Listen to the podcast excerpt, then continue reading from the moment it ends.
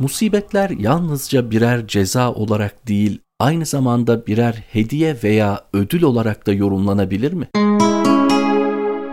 Musibetlerin kaynağı insanın hata ve günahları olsa da bu durum onların birer nimet ve ödüle sebebiyet teşkil etmesine engel olmaz. Musibetlerin birinci hediyesi başa gelen hadiselerin sebebi olan günahın hükmen ortadan kalkmış olmasıdır. İkinci hediyesi gelecekteki başka nimet ve ödüllerin başlatıcısı durumunda olmasıdır. Üçüncüsü nimetin gelmesine engel olan günahın ortadan kalkmasıyla kader yollarında tıkanmış o nimetin yeniden insana ulaşmasının sağlanmasıdır. Dördüncüsü musibetin günaha denk gelen cezadan daha büyük olması durumunda umulmadık başka türlü nimetlerin insana erişmesine vesile olmasıdır. İşte her durumda musibet hem eski hatayı ve günahı siler, hem gelecekte yeni nimetlerin önünü açar, hem de insanın yitirdiği, kaybettiği ikram ve nimetleri onun dünyasına sevk eder. Müsibetin beşinci hediyesi şudur. Bazen kabz yani bu daralma uzun sürer. Fakat bu uzun süren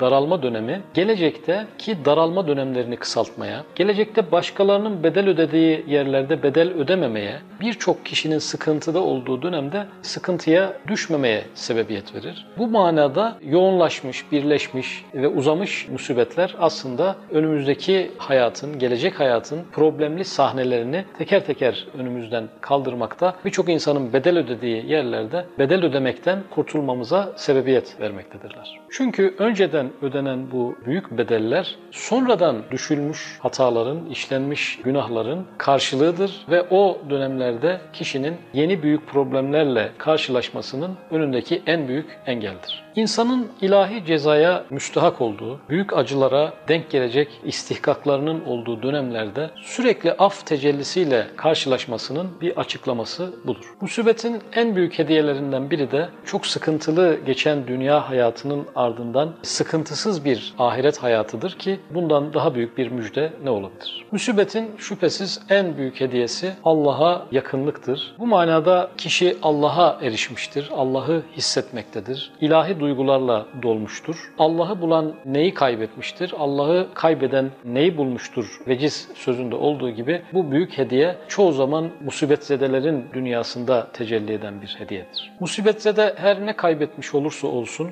onun bedeline Allah'ı bulmakla, onunla büyük bir irtibat elde etmekle en büyük teselliyle de karşı karşıyadır. İnsanın kaybettiklerinin en büyük telafisi de budur. Bu yüzden hakka yakın insanlar başlarına gelen musibetleri büyük birer ödül saymışlardır. İşin gerçeği Allah'a yaklaşan kullar açısından musibetlerin şekli ve niceliği aynı olmakla birlikte onların niteliklerinde çok büyük değişiklikler ve farklılıklar olmaktadır. Kul Allah'a yakınlık mertebelerinde ilerlerken onun başına gelen müsibetler artık birer ödül ve ikram ve aslında mazhar olduğu rahatlamalar, ferahlıklar, problemsiz dönemler de kendisine bir ceza gibi gelmeye başlayacaktır. Değerli hazineler harabeler içerisinde bulunur. Acaba o hazine harabenin neresinde? Yemeğin bereketinin hangi aşamada olduğu bilinmediği için bu bereket belki de yemeğin son lokmasında gizlidir diye inanılır. Hazine musibetin başında, ortasında, sonunda olabilir. Hazine musibetin sevabında veya bizi kurtardığı günahta olabilir. Hazine musibetin sebebinde veya sonucunda olabilir. Hazine musibetin biçiminde veya anlamında olabilir. Hazine musibetin zahirinde veya